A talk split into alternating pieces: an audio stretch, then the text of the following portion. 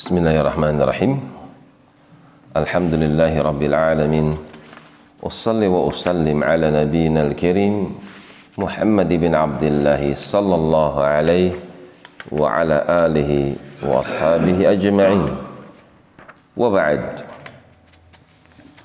masih di dalam surat Al-Fatah masih peristiwa Hudaybiyah. Di mana orang-orang yang berpenyakit ketika datang kebenaran kemudian ketika kebenaran tersebut dibuktikan dengan adanya pengorbanan maka nampaklah siapa orang yang berjalan di atas kebenaran dan mengikutinya dengan jujur dan siapa orang yang mengikuti kebenaran akan tapi cuma sebatas formalitas. Arab Badui termasuk orang-orang yang muslim akan tapi cuma formalitas saja. Kapan Islam menguntungkan maka dia akan hadir di hadapan Nabi sallallahu alaihi wasallam. Kapan Islam membutuhkan mem memerlukan bukti akan kebenaran daripada keislamannya dengan adanya pengorbanan harta atau bahkan jiwa maka nampaklah kepalsuan keislaman mereka bal dhanantum alla yanqalibar rasul. Sudah mereka tidak ikut menemani nabi baik perang baik umroh perintah perintah nabi tidak diindahkan.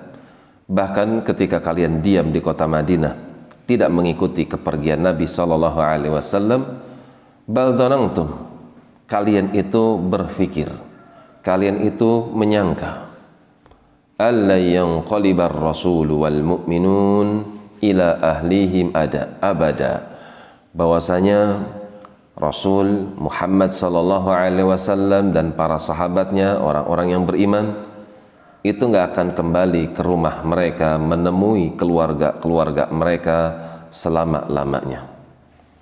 Artinya ketika Nabi Shallallahu Alaihi Wasallam berangkat ke Mekah untuk menunaikan umroh kemudian dihadang oleh kaum musyrikin terjadi perjanjian Hudaybiyah.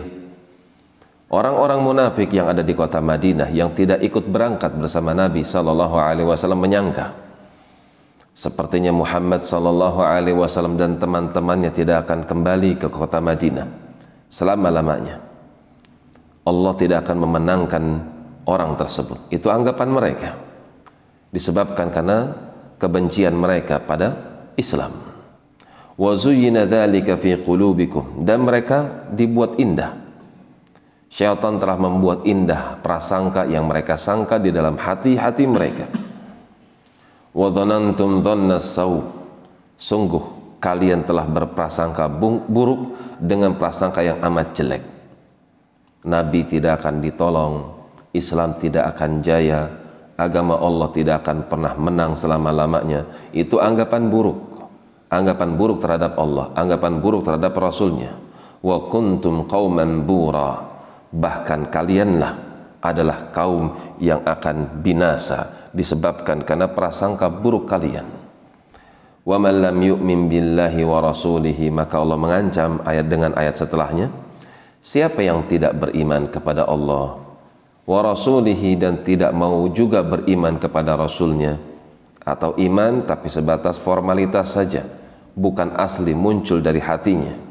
Fa inna a'tadna lil kafirina sa'ira. Ketahuilah aku sudah menyiapkan bagi mereka orang-orang yang ingkar kepadaku sa'ira api yang menyambar-nyambar.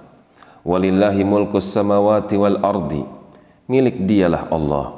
Segala sesuatu yang ada di atas langit yang dan juga yang ada di muka bumi yaghfiru liman yasha'u wa yu'adzibu man yasha. Dia akan memberikan ampunan kepada orang-orang yang dia kehendaki dan dia akan memberikan hukuman bagi orang-orang yang dia kehendaki. Orang-orang yang kembali kepada Allah orang-orang yang beristighfar dia ingin memperbaiki keadaan dirinya maka Allah akan menerima taubatnya. Dan orang-orang yang tidak mau memperbaiki keadaannya terus berada di atas kemaksiatan dan ke kekufurannya maka Allah akan memberikan adab kepada orang tersebut sebagai bentuk keadilan. Wa kana Allah ghafuran rahima. Akan tapi Allah Subhanahu wa taala dia Maha Pengampun. Dia lebih memilih kepada hamba-hambanya dengan pilihan yang penuh dengan keutamaan pilihan yang dibangun di atas rahmah yaitu ampunan daripada azab Allah memilih untuk hambanya ampunan karena itu orang yang bertobat lebih banyak dibandingkan dengan orang yang murtad. Rahiman dan dia maha pengasih kepada hamba-hambanya.